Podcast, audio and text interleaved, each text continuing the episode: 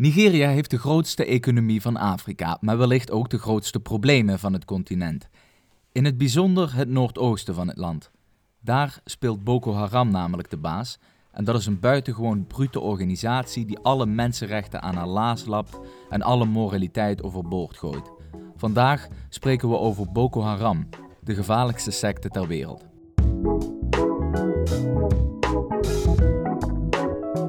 Dit is Met een Korreltje Zuid. In deze podcast nemen we je wekelijks mee naar internationale obscuriteiten en geopolitieke uithoeken. Ongezouten, maar met smaak. Wij zijn Max en Auke. Welkom.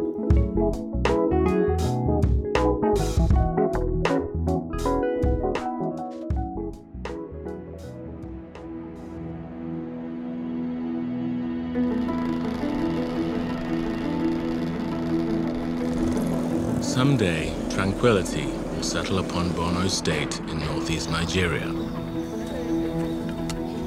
The ordinary rhythms of life in the rural areas will return, as will the everyday bustle of the city. But for now, a restless tension lurks beneath the surface. Not a moment goes by without the threat of violence. Without the fear that the militant Islamic group Boko Haram might unleash an attack. A grim reminder of a conflict still to be resolved. A country's struggle with extremism. An unfinished journey from evil. Je zei de gevaarlijkste secte ter wereld. Daar eh, gooi je Ja. meteen wat claims eh, hier de lucht in, eh, Ja, Max. nou, eh 2014 was eh, eh, Boko Haram de gevaarlijkste terroristische organisatie ter wereld. En dat meten ze dan af in termen van doden en ontheemden. Wauw. Maar eh, 2014 eh, is in mijn geheugen ook een beetje het jaar van eh, ISIS. Die waren Eh, toen precies, ook wel maar- eh, Ja, flink bezig. Die waren, die waren toen ook eh, onderweg. Het punt is, ja, die, die twee eh, die zijn natuurlijk ook sterk gelieerd aan elkaar. En sterker nog, in november 2015, dit staat overigens op Wikipedia, hè, bracht het Australische Institute for Economics and Peace de Global Terrorism Index over 2014 uit. En daar bleek dan uit inderdaad dat eh, Boko Haram de dodelijkste en tevens snelst groeiende terreurgroepering ter wereld was. Hè? En, inderdaad, en er staat er letterlijk bij, ondanks de gelijktijdige opkomst van IS. Oké, maar even, eh, heel even een stap terug. Boko Haram, wat is dat voor een club? Je, je zei net secte. Wa- wa- wat, wat zijn dit voor jongens? Waar komen ze vandaan? Ze zitten in Noord-Nigeria, begrijp ik. Ja, Noordoost, Nigeria vooral. Ze wandelen af en toe de grens over bij eh, Cameroen. Hm. En dan eh, halen ze daar wat... Ja, trouwens, we moeten dit niet bagatelliseren. Eh, luister, zij vallen gewoon Cameroen binnen en voeren daar dan vervolgens oorlog met eh, m- ja, min of meer iedereen die op hun pad komt. Dus ook eh, burgers en zo. Dus ja, dat zijn, dat zijn echt wel pittige jongens. Ja. En die, die, die, die bestaan al sinds 2002, eh, begrijp ik. Ehm, maar waren in het begin helemaal niet zo heel gewelddadig. Nee, Als, ja. nee ja, dat was een... het was een... ja, wat was het eigenlijk? Het was een soort eh jongerenclub. Een soort buurtvereniging. Ja? Ja, ja, letterlijk dat. Ja, dat klinkt nu, het klinkt nu een beetje raar, maar dat was het gewoon. Ja. Letterlijk een soort buurtvereniging. Ja, ja. Want, eh, wat was nou het geval? In het noordoosten van, eh, sowieso in het noorden van Nigeria zijn ze eh, islamitisch. Hè? En in het zuiden zijn ze christelijk. Eh, het zuiden, waar dus ook de, de hoofdstad ligt en waar, en waar ook Lagos ligt. Volgens mij is dat de grootste stad van Afrika. Dat is dan het rijke gedeelte. Even dan tussen twee eh, West-Europese haakjes. En eh, in het noorden, daar zijn ze arm. En daar zijn ze islamitisch. En in het noordoosten van het land eh, is op een gegeven moment een zekere Mohammed Youssef opgestaan. Dat was een, eh, ja, een soort pre prediker, jongere werker, soort prediker is opgestaan. Hm. En die is inderdaad een soort jongerenorganisatie begonnen. Die heeft een schooltje opgericht. En die is daar eh, ja, streng islamitische, eh, salafistische ja, eh, dogma's gaan prediken. Ja. Ik begrijp ook dat, dat, dat het, ja, los van die hele streng salafistische dogma's, ehm, ja, dat hij toch ook wel in het, in het hoekje ehm, conspiracy theory zat. Eh, en dat hij dus bijvoorbeeld eh, eh, zich afvroeg of de aarde wel echt rond was. Of water wel echt door de zon verdampt werd. Dat soort, Ja. dat soort ongein was hij ook allemaal mee bezig. Ja. Nou ja, goed, ik weet niet in hoeverre heel streng salafisme te rijmen valt met, laten we zeggen, modern wetenschappelijke aangelegenheden. Of in dit geval dan Galileo Galilei Mm. Van 500 jaar geleden. Maar goed, los daarvan, inderdaad, hij zat een beetje in die conspiracy, eh, in die conspiracy hoek. Die heeft allemaal jongens bij elkaar eh, opgetrommeld. En uiteindelijk is dat eh, de Nigeriaanse autoriteiten ter oren gekomen, dat daar toch zaken werden bedongen die niet door de beugel konden, of in ieder geval die, niet, hè, die daglicht niet konden verdragen, laat ik het zo zeggen. Mhm. En die zijn een onderzoek daarna gestart. En die hebben vervolgens eh die jongens in de gaten gehouden. En die hadden wapens eh, en allerlei andere zaken die niet konden. Eh er zijn een aantal leden opgepakt. Ook die Youssef, Mohammed Youssef is opgepakt. Hm. En die is later ook zo- zonder proces overigens terechtgesteld. En ja, dat is een beetje gaan escaleren in die zin. Ja, het is dus eigenlijk een beetje een uit de hand gelopen jongensclub. Die eh, binnen enkele jaren de grootste, meest gevaarlijke terroristische organisatie ter wereld is geworden. Ehm, Ja. In 2014, 2015. Ja. Ehm, Soms ja, wordt overigens wel, eh, wel eens als aanleiding gegeven, hè, voor dat echt dat militante eh, gedrag van die gasten, daar is wel eens als aanleiding voor gegeven dat zij eh, hè, op, als, als groep op weg waren naar een begrafenis mhm. op motoren. En er was dan blijkbaar net een wet aangenomen door de Nigeriaanse autoriteiten die zei je moet een helm dragen. En die hadden zij niet op. En op dat werden zij dus aangehouden. En daar waren zij het niet mee eens. En eh, toen zijn ze in, eh, ja, in een gevecht eh, terechtgekomen, als ik me niet, niet vergis, een vuurgevecht. En sindsdien zijn er zowel vanuit de autoriteiten als van Boko Haram ja, allerlei vergeldingsacties geweest. En dat is uiteindelijk gewoon eh, uitge, uitgelopen tot een oorlog. Of in Ja. ieder geval, ja, tot een oorlog, zo kun Ja. je dat gewoon noemen. ja, je ziet natuurlijk vaak ook dat een terroristische organisatie kan ontstaan uit een cocktail van socio-economische omstandigheden. Hè? Dus, eh, en dan bedoel ik voornamelijk, ja, kijk naar Boko Haram, die komen dus uit, uit een land waarbij zij in het noorden wonen en de religieuze minderheid zijn, de, de, de moslims.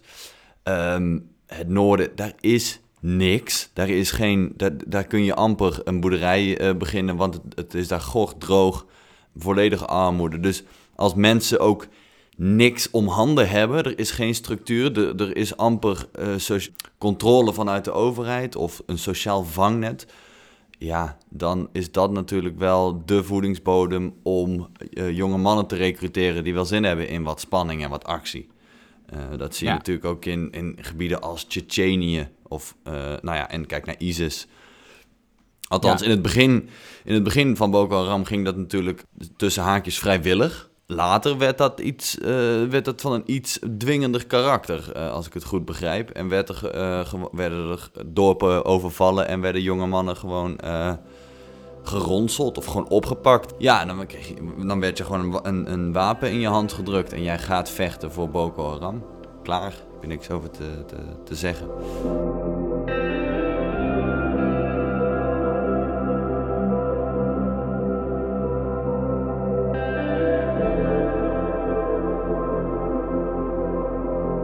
Ik zei net in het introtekstje, zei ik, eh, dat het een secte is. Hm.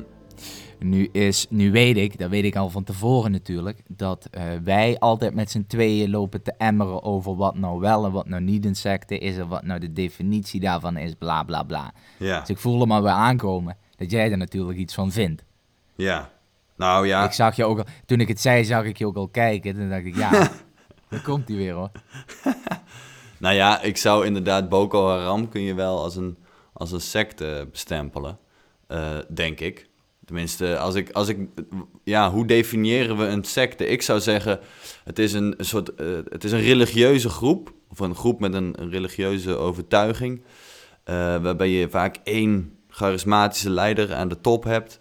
En het, het, het heeft toch wel een soort dwingend karakter. Als je er eenmaal in zit, dan kom je er ook niet zomaar meer uit. Mhm. Eh, ja goed, leider aan de top. Dan moet ik dus meteen denken aan eh, Scientology. Ja, Want stel, stel hè, je pakt Scientology. Ik kan jou niet meteen nu een, een sterke leider eh, aanwijzen... waar iedereen dan in Nou, zou moeten geloven. Die hebben weer zo'n apparaatje, weet je wel. Dan met je, waar je... Nou ja, bij eh, Scientology zie je die Kavanaugh, of ik weet niet zo goed hoe die heet, maar daar heb je ook zo'n gelikte man aan de top staan. Of kijk naar, misschien wel het bekendste voorbeeld was de, de People's Temple, Jonestown. Had je die eh, Jones aan de top staan, die eh, uiteindelijk eh, met z'n negenhonderden hebben die gedwongen zelfmoord gepleegd. Semi-gedwongen. Heel raar verhaal. Ja, eh, dus, dus ik zou wel zeggen dat daar toch een... Ja, je ziet toch vaak wel een, een charismatische leider aan de top staan. Dat zag je natuurlijk bij Boko Haram ook. Die Mohammed Yusuf, eh, de oprichter, wordt toch wel... eh, hij is in 2009 omgelegd, geloof ik. Werd toch in het begin wel gezien als een charismatische predi- prediker... die daar dan het, het, het clubje bijeen hield. Dus het begint kleinschalig, vrijwillig... Eh, en het kan, het heeft de, de potentie om uit te groeien tot een, een wereldreligie. En daar zit natuurlijk een hele, ja, een hele schaal tussen van allerlei stappen eh, en vormen die daartussenin eh passen. Maar je, goed, je bent het dus in die zin met mij eens... dat we eh, Boko Haram gewoon een secte mogen noemen. Ja, ja, ja, ik Is denk I- wel. Is, Ja. is IS dan ook een secte? Ja, dat denk ik wel. Ik denk vooral dat het heel belangrijk is dat er een hele strikte eh, religieuze component aan vastzit. En dat zie je bij die twee clubs wel, ja.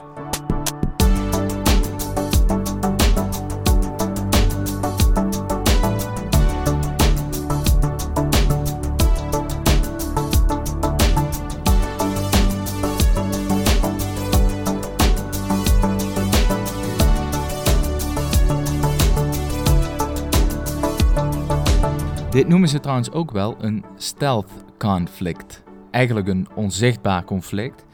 Eh, en daarmee wordt bedoeld dat, hè, eh, ik weet niet, heb jij trouwens die, die, de doden paraat die hier al bij gevallen zijn? Of de, de, de ontheemden? Ja, ik geloof dat er sinds 2011 37.000 doden zijn gevallen en 2,5 miljoen mensen zijn ontheemd. Dat is vrij fors. Nou. Vind ik niet, dat is niet Ja. heel onzichtbaar, toch?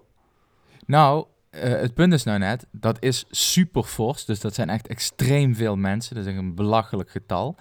Maar het is niet zo dat Boko Haram eh, nou eh, de headlines pakt van de Ja. Washington Post en van de B- eh, BBC. Ja. Ehm, terwijl tot op de dag van vandaag eh, eh, plegen zij echt van die, van die aanslagen dat je denkt, boah, eh, hier, echt van die, van die massacres, weet je wel, Ja. van, die, van die afslachtingen doen zij echt. Ja. En ehm, ja, ze zijn één keer groot in het nieuws gekomen eh, omdat ze die, die meisjes hebben gekidnapt. Ah ja. Toen eh, stond eh, Michelle Obama nog met een, een, een, ja, die had een A4'tje in de hand waarop stond hashtag bring our girls back. Oh ja. Dat, dit, toen hadden ze wel headlines, toen was het hot topic. Gaan we zo even op verder. Maar over het algemeen is dit dus een onzichtbaar conflict in de zin dat wij met z'n tweeën en waarschijnlijk de rest van de mensen die de kranten lezen, die wij lezen, niet Hm. geconfronteerd worden op de manier zoals we misschien eigenlijk geconfronteerd zouden moeten worden. Maar waar ligt dat dan aan? Is dat gewoon omdat het eigenlijk iedere dag hetzelfde is? Kan moeilijk Nou- iedere dag op de voorpagina weer een nieuwe massacre zetten. Ja, of wel, misschien moet dat ook wel, weet ik niet. Nou, daar zijn een aantal theorieën over. Ehm je hebt ook, eh, jij, jij zat ook in de, in de les toen het vak media en politics werd behandeld. Eh, maar eh, een, een belangrijke theorie, denken de mensen die er verstand van hebben, dat is dat als er ja, zeg maar dood en verderf is onder zwarten, Hm. dat het dan minder aankomt in de westerse wereld. Of in een Afrikaans land dat geen hele grote impact heeft op de, eh, de, de, de wereldeconomie of op de, de stabiliteit in de wereld. Ja. Hè? Dan worden we daar. Ja, dan zijn we gewoon. Dan is het gewoon minder newsworthy. Dan is het gewoon minder nieuwswaardig. ja, ja, ja. Ja, Dat, is een theorie. Ja, En inderdaad, de tweede theorie, dat is een soort, een soort verzadigingsding. Eh, dus je, je, dat kun je vergelijken met de, de, de, de coronacrisis. Kijk, op een gegeven moment ben je gewoon verzadigd van het coronanieuws. Ja. En hetzelfde geldt voor zo'n conflict in Nigeria. Waren het niet dat verzadiging dus veel sneller ontstaat bij nieuws dat over dit soort zaken gaat in Afrika? Ja, ja je ziet inderdaad wel ehm, bijvoorbeeld. Dat, dat was misschien wel een goed voorbeeld van die verzadiging of van die perceptie in de media. Dat je zag toen die aanslagen op Charlie Hebdo er waren en, en later ook nog in de Bataclan in Parijs. Nou, dat was natuurlijk weken, zo niet maanden eh, eh, voorpagina nieuws in, in heel Europa. En je Terwijl Nigeria heeft letterlijk iedere maand een Bataclan, hè? Juist. Ja, Dus, dat was toen ook. Toen, kreeg, toen, toen kwam er ook een beetje zo'n zo'n kritiek eh, op gang van, joh, hoezo is dit bij ons nu zo'n groot nieuws? Want letterlijk op de dag van de Bataclan waren er in Nigeria door Boko Haram 200 mensen afgeslacht. Eh, En dat, dat stond nergens, was, was nergens in de krant te vinden. Ja, eh, die kritiek wijst natuurlijk heel snel op een soort ehm, racisme of zo, of, of een soort discriminatie Ja, die wij dan hebben. nieuwsdiscriminatie. Sorry? Nieuwsdiscriminatie, ja. Ja, ik, ik ben het daar niet helemaal mee eens. Het- Waarom ik, niet? Nou, Ik ben kijk, het eigenlijk 100% mee eens. ja, ik, ik wil het niet helemaal afschuiven. Eh, Dus ik probeer een klein genuanceerd verhaal te, te brengen. Kijk, als jij een abonnement hebt op het Brabants Dagblad, dan verwacht jij nieuws uit Brabant en niet uit Drenthe, waar, eh, waar ook allerlei belangrijke zaken gebeuren. Hetzelfde is natuurlijk als jij een abonnement hebt op de Volkskrant of de NRC, dan verwacht jij, dan heb jij een soort bepaald soort verwachting aan nieuws. Dan verwacht jij niet dat daar eh, de, de presidentsverkiezingsuitslagen uit Mongolië eh, op de voorpagina komen te staan, maar wel als ehm, Macron zijn verkiezing verliest of wint. Dus doordat je een abonnement hebt op de Volkskrant, heb je al een soort verwachting en een soort filter op je nieuws zitten. Als jij heel graag wel het nieuws uit Afrika altijd wil hebben, dan zijn er een aantal andere media die zich daarop toespitsen waar je dan op kan abonneren. Ehm, Ja, dat klopt. Maar goed, eh, even twee dingen. Eén, ik vind de verkiezingsuitslagen van Mongolië wel net iets anders als dat er in een, een willekeurig Afrikaans land 100 Mhm. burgerslachtoffers zouden vallen bij een of andere slachting. mhm. En ja, het is natuurlijk, eh, je hebt natuurlijk gelijk als je zegt, als je de, de Limburger koopt, ja, dan wil je natuurlijk nieuws uit Limburg en niet uit Noord-Holland. Ja. Dat lijkt me duidelijk. Maar dit soort eh, zaken, hè, bijvoorbeeld Boko Haram, dat ontstijgt toch alle, eh, zo überhaupt vind ik dat dat alle voorkeuren moet, Mhm. moet ontstijgen. Dus dat er dan ook in de Limburger wel wat over gezegd mag worden. Ik bedoel, eh, Ja. maar goed, uiteindelijk, kijk, dat zijn bedrijven, hè, dus die inderdaad, die, die, die voldoen aan de vraag Hmm. van hun lezer. ja. Maar in dat geval zou je kunnen zeggen dat de lezer dan inderdaad toch eh, discrimineert. Ja, het is denk ik een wisselwerking, hè? want de lezer die weet niet over Boko Haram omdat het niet in de krant staat. En de krant zet het er niet in omdat de lezer er niet in is geïnteresseerd. Ja, Ja.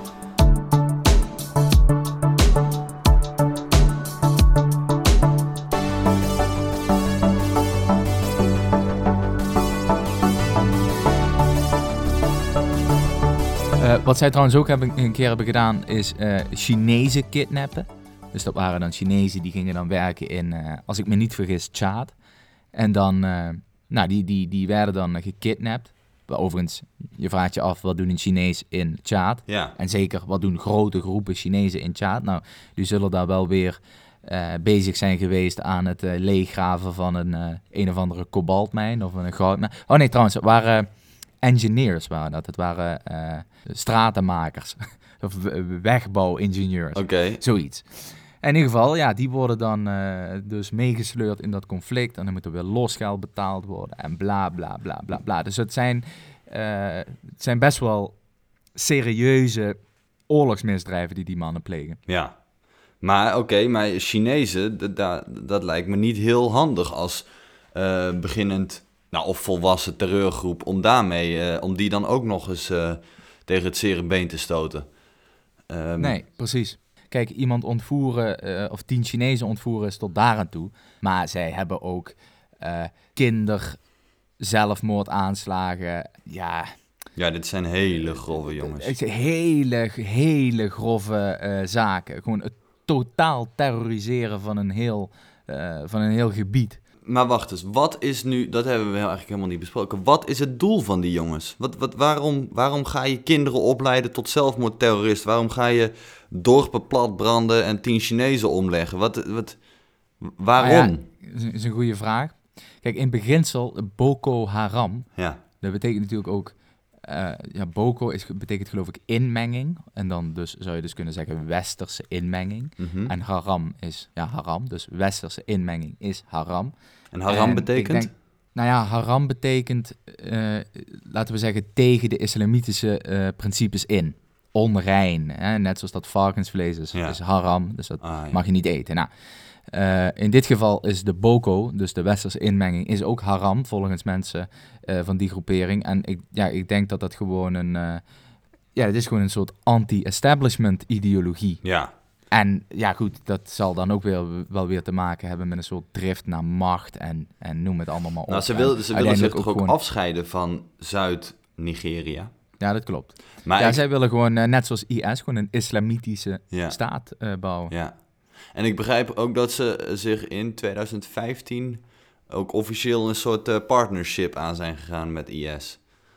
Ja, de vraag is alleen even in hoeverre dat dan ook eh, ja, iets oplevert, zo'n partnership. Want ja, die, die IS'ers die voeren natuurlijk eh, een- al een oorlog, die zijn al druk genoeg, Ja. laat ik het zo zeggen. Nou ja, dat was, de- Eh. dat was misschien ook niet per se een hele goede investering. Want ja, IS nu is niet meer wat het geweest was, zeg maar.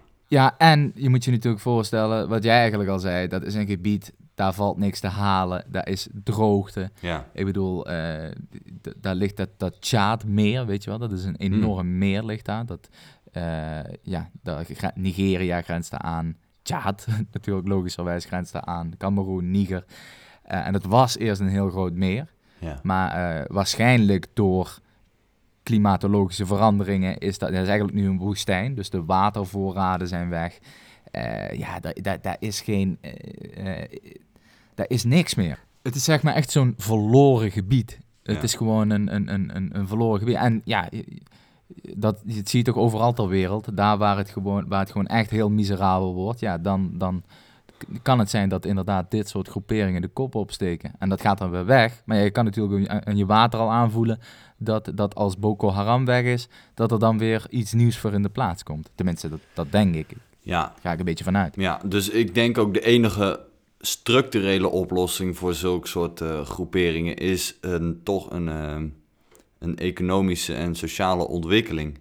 Hè, je, je moet dan toch op de een of andere manier proberen zulke soort, ja, de zaakjes miserabele gebieden, een soort economische boost eh, te geven.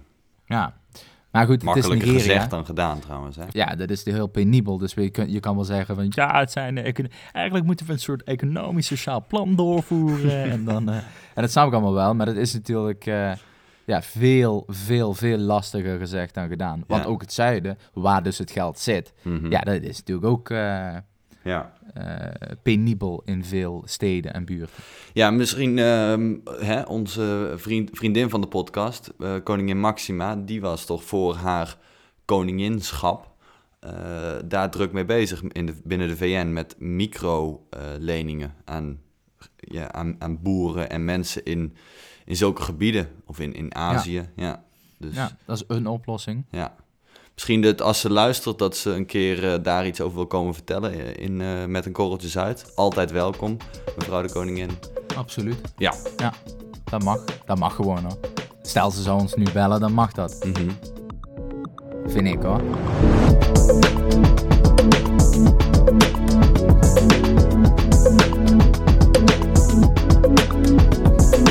Dus als de koningin ons wil bereiken, dan kan dat. Sowieso kan iedereen ons gewoon bereiken. We zijn op Instagram te vinden. Eh Korreltjes uit. Kijk daar even op. Zetten we iedere paar dagen een leuke foto en, een, eh, en wat extra informatie over de aflevering op. Volg ons ook heel even op Spotify of waar je je podcast kan vinden. En dan eh, horen we elkaar volgende week weer met een nieuwe aflevering, nieuwe podcast. Tot. Ja, elkaar. Zij horen ons. Dat is waar, Max. Zij horen ons, wij jullie niet. In ieder geval, tot volgende week.